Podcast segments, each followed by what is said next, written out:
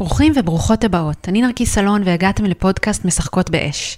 פודקאסט בשיתוף עיתון הארץ של גברים ונשים שמסכימים לשחק באש כדי לקדם את החברה בה אנחנו חיים בשלל נושאים נפיצים. כחלק מהדיונים הערים שמתקיימים ברשת מאז האונס באילת, קראתי לא מעט שיתופים של גברים שסברו שאחת מהסיבות לפגיעות מיניות היא שלגברים יש יצר מיני חזק יותר משל נשים, וחלקם פשוט מתקשים לשלוט בו. למרות שכל הכותבים הדגישו שהם מבינים שזו לא הצדקה לפגיעה מינית או אלימות מכל סוג שהוא, הטענה הזו מסוכנת ומסתבר שגם דומיננטית. החלטתי להביא לה מענה מלומד מאנשי מקצוע שיתייחסו לנושא וייתנו על הדרך גם כלים מעשיים לגברים לגשת ולהעמיק בתוך המיניות שלהם. אז הפרק הזה יעסוק ביצר המיני הגברי. נארח שלושה אנשי מקצוע שידונו בהאם המיתוס שלגברים יש יצר מיני יותר חזק משל נשים הוא נכון, איך גברים יכולים לעבוד עם היצר המיני ממקום שהוא מעצים לשני המינים, למה חשוב שגברים לא ידכאו את היצר שלהם ואפילו יעודדו את החייתיות שבהם, ואיך כל זה קשור, אם בכלל, לפגיעות מיניות. נעבור לפתיח ונתחיל.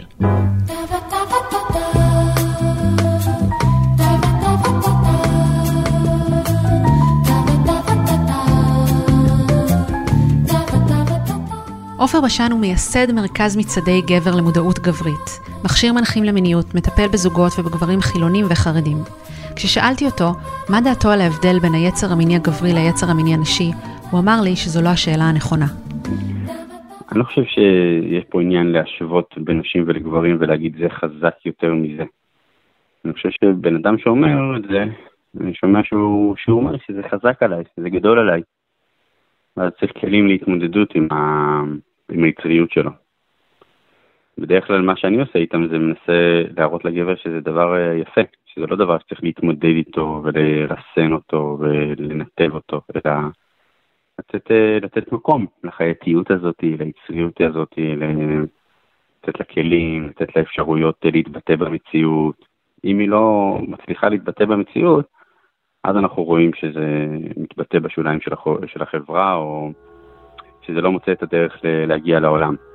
אבל אה, אני יכול להבין את המצוקה של הגבר הזה, אני מנסה לתת לו כלים ושפה כן לבטא את היצריות הזאת.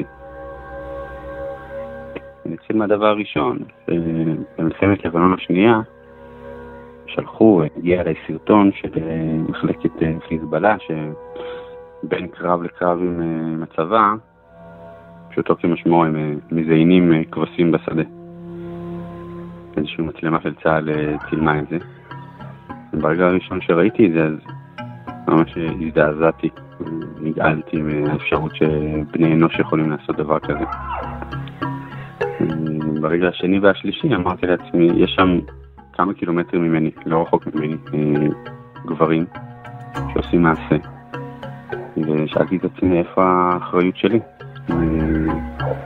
איפה החלק שלי שם, בזה שגברים בני מיני פוגעים או אונסים או לוקחים, ומה זה אומר עליי. אני כן מרגיש שזה משהו שהוא קצת כאילו מיסטי להגיד, אבל ש...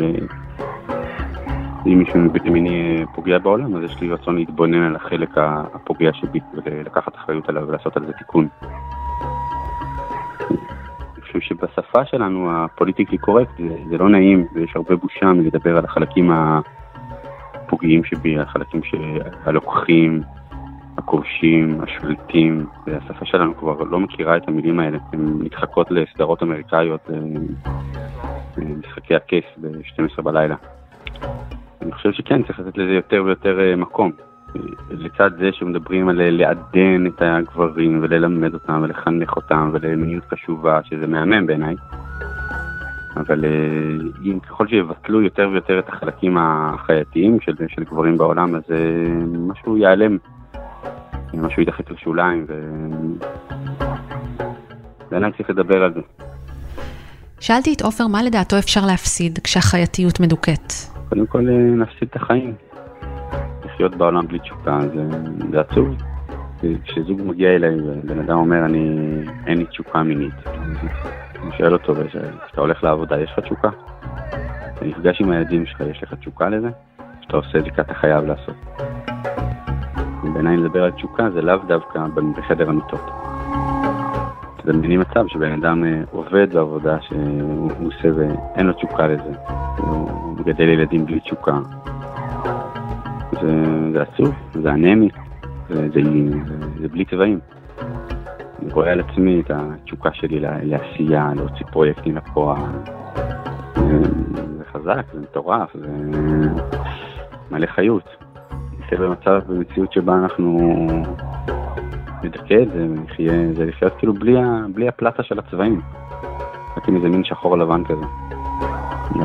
לחיות במקום המחובר, זה בא לי, זה לא בא לי, זה מדליק אותי, זה לא מדליק אותי, זה, זה באמת כאילו הפך פח, משתנה מיום ליום, אבל זה חי, חזק.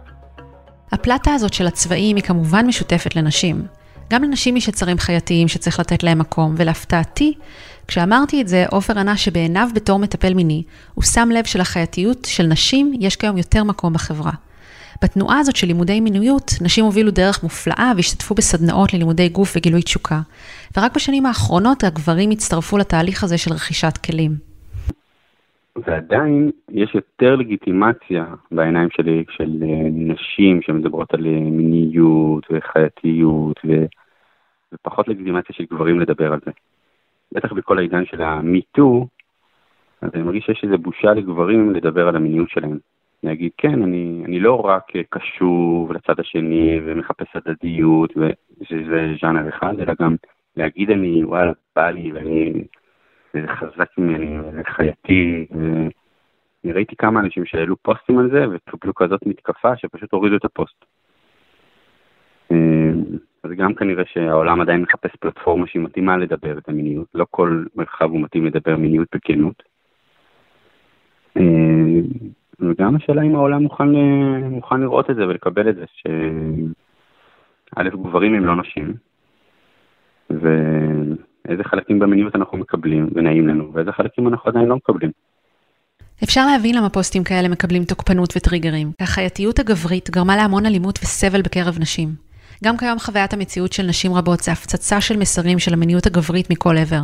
אמרתי לעופר שאני באמת מבינה שגברים מאז מיטו מרגישים מותקפים מכל מילה שהם אומרים, אבל עדיין הרבה מאוד נשים מרגישות שהן צריכות להגן על עצמם באופן יומיומי כדי לא להיות קורבנות לאלימות מינית. מבחינת עופר זה לא סותר. אין תחרות על מי יותר פגיע או מי יותר קורבן. הכרה בסבל של אחד לא ממעיטה בסבל של האחר, אלא יכולה ליצור דיאלוג אמיתי. בדיוק אה, אשתי סיפרה לי על איזה מישהי שכתבה, מה הייתם עושים, מה הייתם עושות אם לא היו גברים בעולם? ואנשים כתבו, היינו לשתות לבד ביער, היינו יוצאות אה, מתאר טרמפים לבד, היינו אה, נמצאות בים אה, בשתיים בלילה לבד. זאת אומרת, החוויה שלהם ברור שהיא, שהיא עדיין של פחד, של, של, של, שגברים זה סכנה. גברים הם יכולים לפגוע בי ואני צריכה כל הזמן לשמור ולהגן על עצמי, שזה לא, לא החוויה שלי. אני יודע לשים תיק על הגב ולנסוע בטרמפים בחוץ לארץ, ממקום למקום, ואין לי את החשש הזה. אז איזושהי תחושת ביטחון מאוד בסיסית שאתה מדברת עליה, שברור לי שאין אותה לנשים היום, אה, לא סתם. זה דבר אחד. דבר שני, אבל שאני שומע, שזה גם מצער, שגברים אומרים לי שהם אה, מפחדים להיות אה, מתויגים כפוגעים. אז אם אני אלך בערב ומישהי תלך במדרכה, אני ממש, אני אתרחק למדרכה השנייה כדי שהיא לא תחשוד בי שאני מסוכן. או אם אני אכנס למעלית והיא תהיה שם לבד, אז אולי אני לא אכנס. אם אני נראה כזה גדול, אז אני מודע לפיזיות שלי ואני יודע שכבר מפחדים ממני. ואם אני אה, מרוקאי, אז, אז יש שם עליי איזה תגית מסוימת. גם גברים אה, אומרים לי את זה, שלהסתובב במרחב הציבורי, הרבה פעמים גם מסמנים אותך ישר כפוטנציאל אה, לפגיעה. אז כנראה שזה מתיישב על משהו, זה נכון שבאמת נשים באלפי שנים הסתובבו במרחב. שפגעו בהם, שרמסו אותם, שלא ספרו אותם. כאילו, אם אנחנו רוצים לעבוד על ריפוי בין, היח... בין היחסים, אז uh, לרמוס אחד בשביל להציל את השני, זה, זה גם לא מביא תיקון לעולם. צריך להיות, באמת יש שאלה שהעולם עדיין לא ענה עליה, של איך חיים גברים ונשים יחד באותו מרחב. איך יחיו ההפכים זה לזה בשלום ובהפריה הדדית. ולא בצרכנות ולא במלחמתיות. השאלה הזאת היא, היא גם נמצאת בין גברים ונשים, נמצאת גם בין יהודים וערבים, אשכנזים וספרדים, בין, אבל בין, בין כל ההפכיות בעולם יש עדיין שאלה איך הם יחד ביחד בהפריה הדדית. איך הגורם המפריע הוא הופך לגורם מפרה. מעוז יעקב הוא סקסולוג ועובד סוציאלי קליני בהכשרתו. כיום מוביל ומרכז את התוכנית להכשרת מלווים מיניים בבית הספר ישתר. כששאלתי אותו על היצר המיני הגברי לעומת היצר המיני הנשי, הייתה לו תשובה מפתיעה. סוגיות סביב נושא של היצר המיני הגברי לעומת היצר הנשי, יגידו שהיצר המיני גבוה יותר כי יש יותר טוסוסטרון אצל גברים, וזו העובדה לכך, או זו ההוכחה לכך. יחד עם זאת, בקליניקה שלי ובאנשים שאני פוגש לפעמים, החשק המיני אצל נשים יותר גבוה מאשר אצל גברים, ואני רואה את הקשר בין התהליך הרגשי שאנחנו עוברים, על הדינמיקה בקשר, ובאופן כללי על, אה, על מה עושים עם, ה, עם היצר המיני, איך פורקים אותו. למשל, אחד הדברים זה שלנשים, כמובן שאני עושה הכללות מגדריות, שאנחנו חיים בעולם שיש בו שינוי כרגע, אבל אם אני הולך להכללות סטריאוטיפיות קלאסיות, אז לנשים יש יותר מקומות לפרוק יצרים, דחפים, מ... במובן הרגשי, יותר פרמישן, יותר אישור פנימי, לבטא כעס, לבטא לבטא אה, עצבות, פגיעות וכולי, ולגברים פחות. כשהאנרגיה הזאת נטענת בגוף, הדבר מוביל לזה ש, שיש יצר, יש דחף. ולפעמים הוא יכול להיראות דחף מיני, ולפעמים הוא יכול להיות דחף אחר שבעצם מתחפש לדחף מיני, במובן הפשוט ש... ברגע שיש לי יותר אינטימיות בחיים, ויותר מקומות שבהם אני מרגיש מוכל ומשתף וכולי, אז היצר הוא לא חוטף אותי, הוא, הוא לא חזק ממני, אלא יש בו מקומות שבהם אני יכול לפרוק אותם, ולאו דווקא בזירה המינית. אני חושב שהתמונה היותר גדולה ששווה להזכיר אותה ולהתבונן עליה, שבעצם יצר מיני אה, זה, זה, זה, זה דחף. וכמו כל הדחפים שיש לנו בחיים, אני יכול לקחת את זה לדוגמה אולי יותר מובנת, דחף לאוכל. אוקיי? הדחף לאוכל ודחף לעצר מיני זה שתי מקומות שמאוד מעניין להסתכל עליהם, כי יש שם הרבה פעמים הקשרים. האם אני יכול לאכול לאט, או האם אני חייב לטרוף? האם אני חייב לאכול את הביס האחרון שאני יודע שלא יעשה לי טוב מהדבר המתוק הזה, או אני שנייה יכול לשהות עם זה ולה, ו, ולהגיד לא, אני בוחר שלא. האם אני אוכל מתוך אה, אה, תשוקה, אבל התשוקה חוטפת אותי ואחרי זה אני מצטער ויש לי כאב בטן, או אני יכול אה, להסתכל ולהגיד, וואו, איזה כיף, בא לי לשבת ולאכול בנחת ולהתענג על כל ביס וביס. אז, אז האם אני חווה שם חוויה של הצלחה, שאני מצליח, שהיצר והתשוקה שלי לאוכל הם אלו שמנהלים אותי, או שאני מצליח כזה לנהל את זה בצורה שמטיבה איתי? אותו דבר גם מיניות.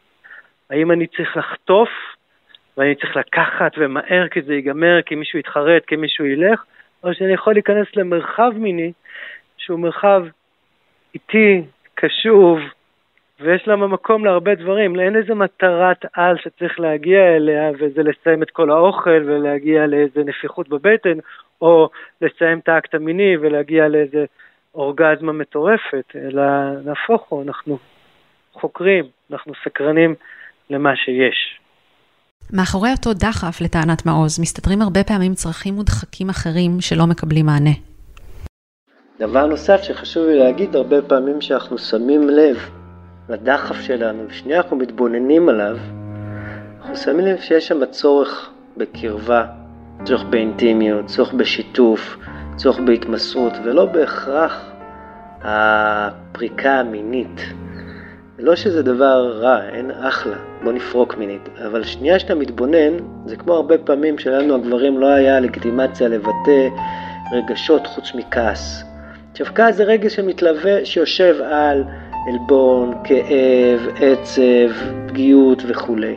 אותו דבר גם דחף, כאילו משהו הפריע לי בעבודה, משהו הפעיל אותי בקשר, משהו קרה לי בחיים, והדרך שבה אני מכיר לבטא את זה, זה שנייה לפרוק את המתח. אבל לפעמים, אם יש לי יכולות יותר להתבונן על זה ולשים לב, אני שם לב שיש שם מאחורי זה, אחד צורך לאיזה קרבה, צורך להניח את הראש, צורך שמישהו יחבק אותי, צורך שמישהו ישמע אותי, שאני אשמיע את עצמי, ושנייה מישהו יהיה קשוב.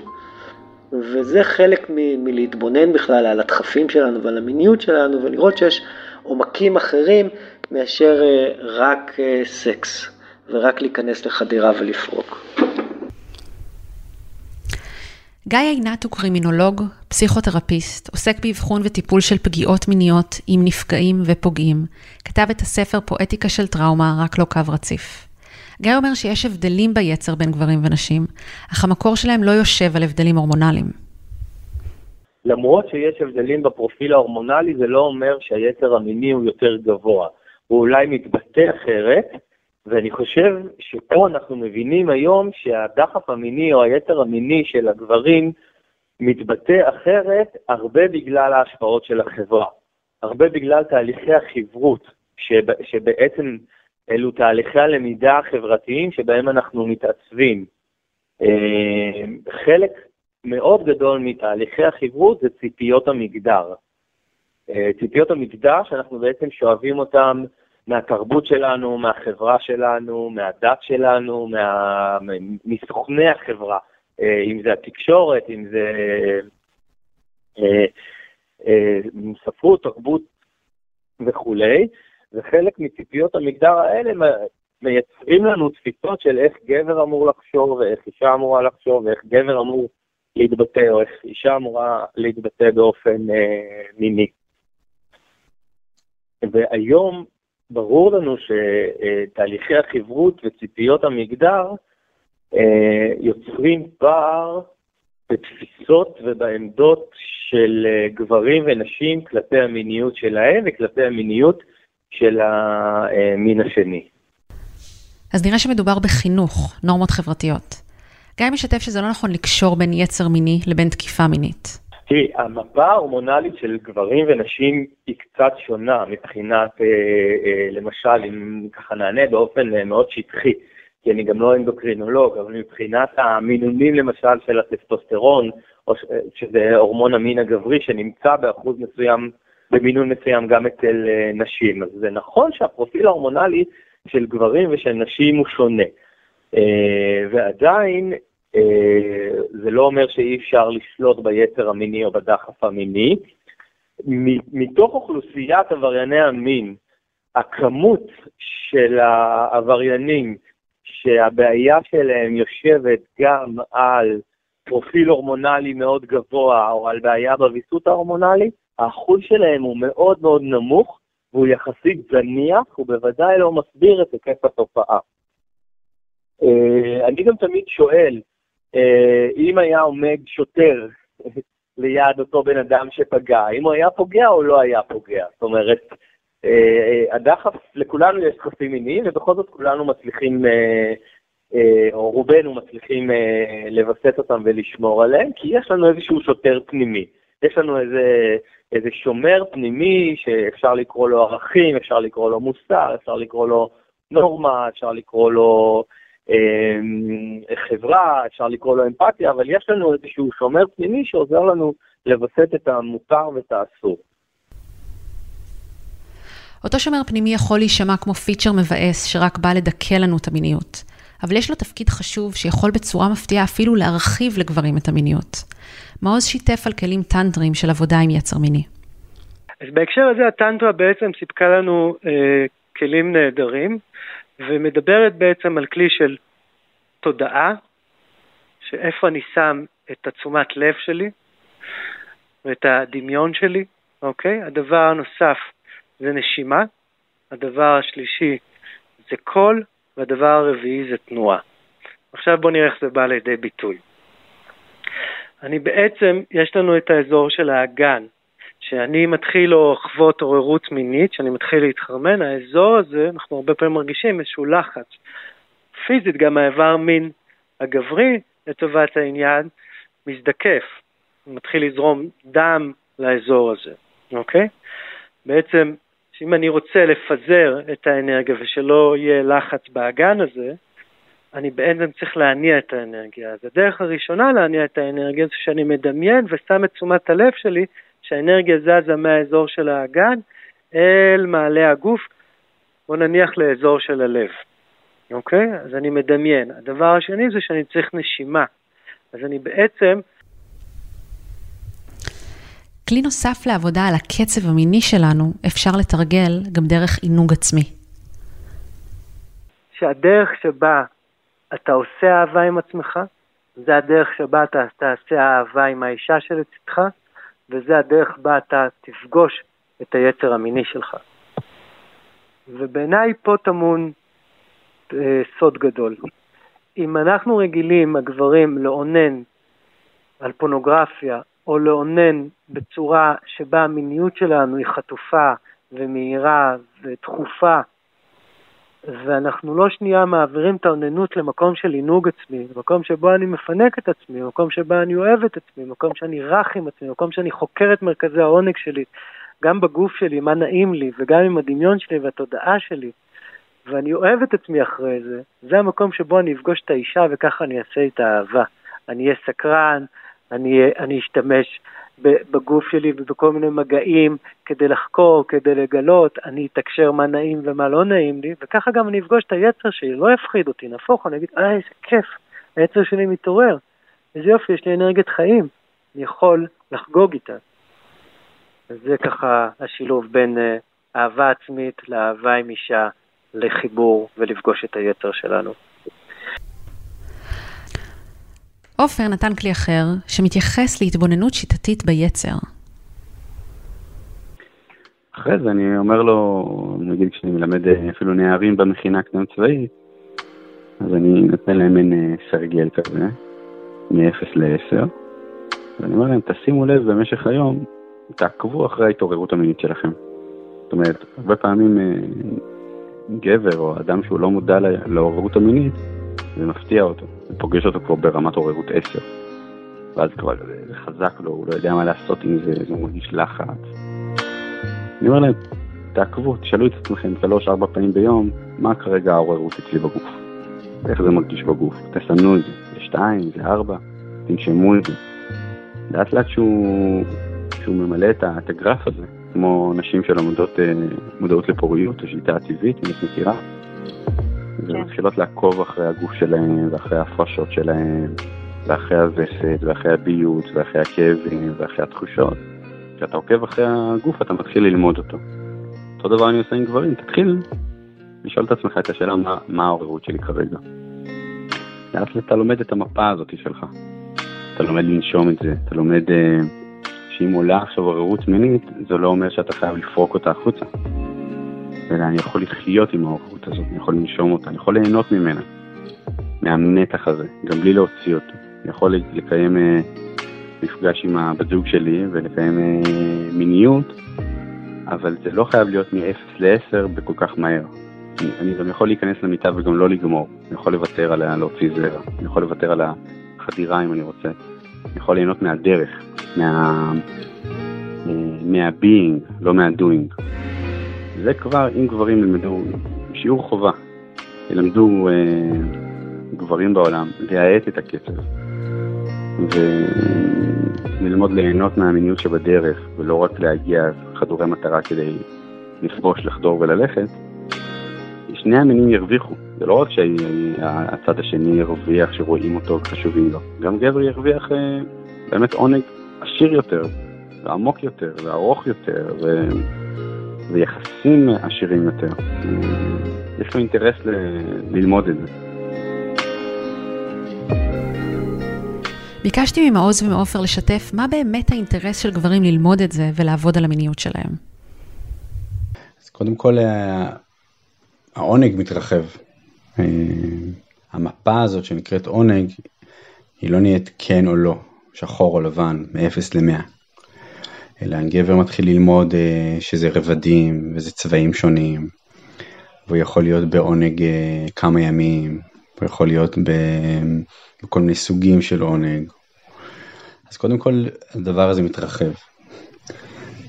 דבר שני, עונג כמו קשת שלמה של רגשות זה דבר שאתה אתה, אתה לומד להרגיש אותו. כש... וזה גם נכון על כאב, כשכאבים מתחילים להתרחש ולהתרחב, אז אנחנו גם, הקצה של העונג מתחיל להתרחב. הם שניהם קשורים בחוט לשני הצדדים. דבר נוסף, שאני חושב שכל המפגש שלי עם, ה, עם האחר, עם הפרטנר, הוא משתנה. ממקום אה, תועלתני, שאני רוצה להגיע ולהשיג ולגמור, לבין מציאות שבה אני אומר, המטרה היא, היא לא לגמור. וזה בעיניי הבדל מאוד גדול בין, אפשר אולי להגיד בין עונג והנאה, בין משהו שהוא מעגל סגור למעגל פתוח, למציאות שבה אני רק אה, קיבלתי, גמרתי וזהו, או שרק משהו התחיל ואז המיניות היא רק אה, מעשירה את המפגש הזוגי שלי למשהו שרק התחיל. במקום הזה עונג יכול באמת להתרחש אה, באמת גם שלושה וארבעה ימים, ולא רק 15 דקות. אז עופר התייחס לרווח שיכול להיות לגברים, ומעוז מתייחס להפסד שיש לגברים מהמיניות שלהם כיום. חשוב לי להגיד שאנחנו הגברים באים מהדחף שלנו, הרבה פעמים אנחנו בלוז לא סיטואשן, אנחנו מפסידים, אנחנו מפסידים כי אנחנו לא רגועים, אנחנו כל הזמן עסוקים, אנחנו מתעצבנים, מתוסכלים, כואבים, מתוחים, ואנחנו לפעמים עושים מניפולציות. בצד השני חווה את זה. עכשיו, כשאתה בא מהגישה הזאת או מההוויה הזאת לאישה, אין מה לעשות, המנגנונים שלה שצריכים להישמר ולהיזהר כי מישהו בא לקחת ממנה, זה גורם לה להיסגר. ואז אנחנו אה, לא כנים, לא כנים ברצון שלנו, לא כנים בכוונה שלנו. לעומת זה שאתה בא ואומר, היי, אני ממש בא לי לעשות אהבה, איפה את ביחס לזה? בא לי לעשות סקס, מתאים לך? ושהיא יודעת שאם היא תגיד לא, זה ממש בסדר, ואז זה יוצר מפגש שבו יש סיכוי שהמיניות תהיה הרבה יותר מעצימה. ושאתה מציע, אתה בא מתוך מקום שאתה גם מוכן לקבל לא, ואתה לא בא לקחת. והחיבור הזה הוא מאוד מאוד משמעותי כדי ליצור מפגש שבו הגופים נפתחים, שה... ואז הראש שקט, לא צריך לשמור, לא צריך להגן, לא צריך כן, לא, זה מתאים, לא. אפשר שנייה לעצור, רגע, גם אפשר לפני שחודרים לשאול, זה מתאים, זה נכון, ואם לא, זה ממש בסדר. ואז שמישהו שואלים אותו, אנחנו מכירים את זה גם כגברים, משהו מסכים להרפות, משהו מסכים להתמסר עוד. ואז המפגש הוא הרבה יותר משמעותי. וזה מה שאני מאחל לנו, הגברים והנשים, שנהיה מקום של להציע, מקום של רג, רגועים, לא באיזה דחף שעכשיו לוקח אותי וחוטף אותי ואני צריך להתמודד מולו. השיתופים של הפרק הזה היו רק טעימה מארגז כלים שלם שנמצא שם לכל מי שמעוניין ורוצה להמשיך להעניק. מה שחשוב לזכור זה שכולנו, גברים ונשים, מתמודדים עם האתגרים והפערים האלה. השפה הזאת היא חוצה מגזרים. נורא בא לי שגם מגזרים יבינו את זה, שכאילו כולם מתמודדים עם זה. באים אליי אה, מכורים לפורנוגרפיה מכל המגזרים, מכל המקומות. גם האדם החילוני בתל אביב וגם הראש ישיבה. מתמודדים עם אה, קושי ופערים בתשוקה אה, כל אדם. השיעור יהיה על מיניות וגבריות, אז הבדיחה היא שהרבה פעמים אומרים, אוקיי, מה, מה אתה רוצה לדעת? כאילו שהם מנוסים ויודעים. אחרי הפוזה הזאת, כשמתחילים לדבר, רואים שיש הרבה בורות בכל המגזרים, שלא יודעים מה זה מיניות ואיך היא נבנית ומה זה תשוקה מינית ומה וכולי וכולי וכולי. לא, הרבה לא יודעים את זה ומתביישים להגיד וואלה אני לא יודע. במובן הזה זה שיעורים שכל האנושות צריכה אה, ללמוד אותה יחד.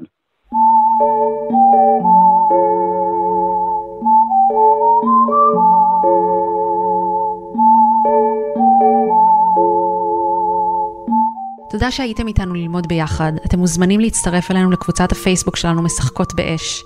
שם מתקיים עולם חדש של ממש בין גברים ונשים, שמנהלים דיון בצורה מכבדת, מאפשרת וחשופה, ומקיימים תהליכי ריפוי ולמידה. ערכו את הפרק מאיה בניסן ואמיר פקטור, עיתון הארץ שותף להפצת הפודקאסט. ניפגש בפרק הבא ונמשיך לנהל את הדיון על יחסים בין גברים ונשים והתנהגות מינית. תודה רבה.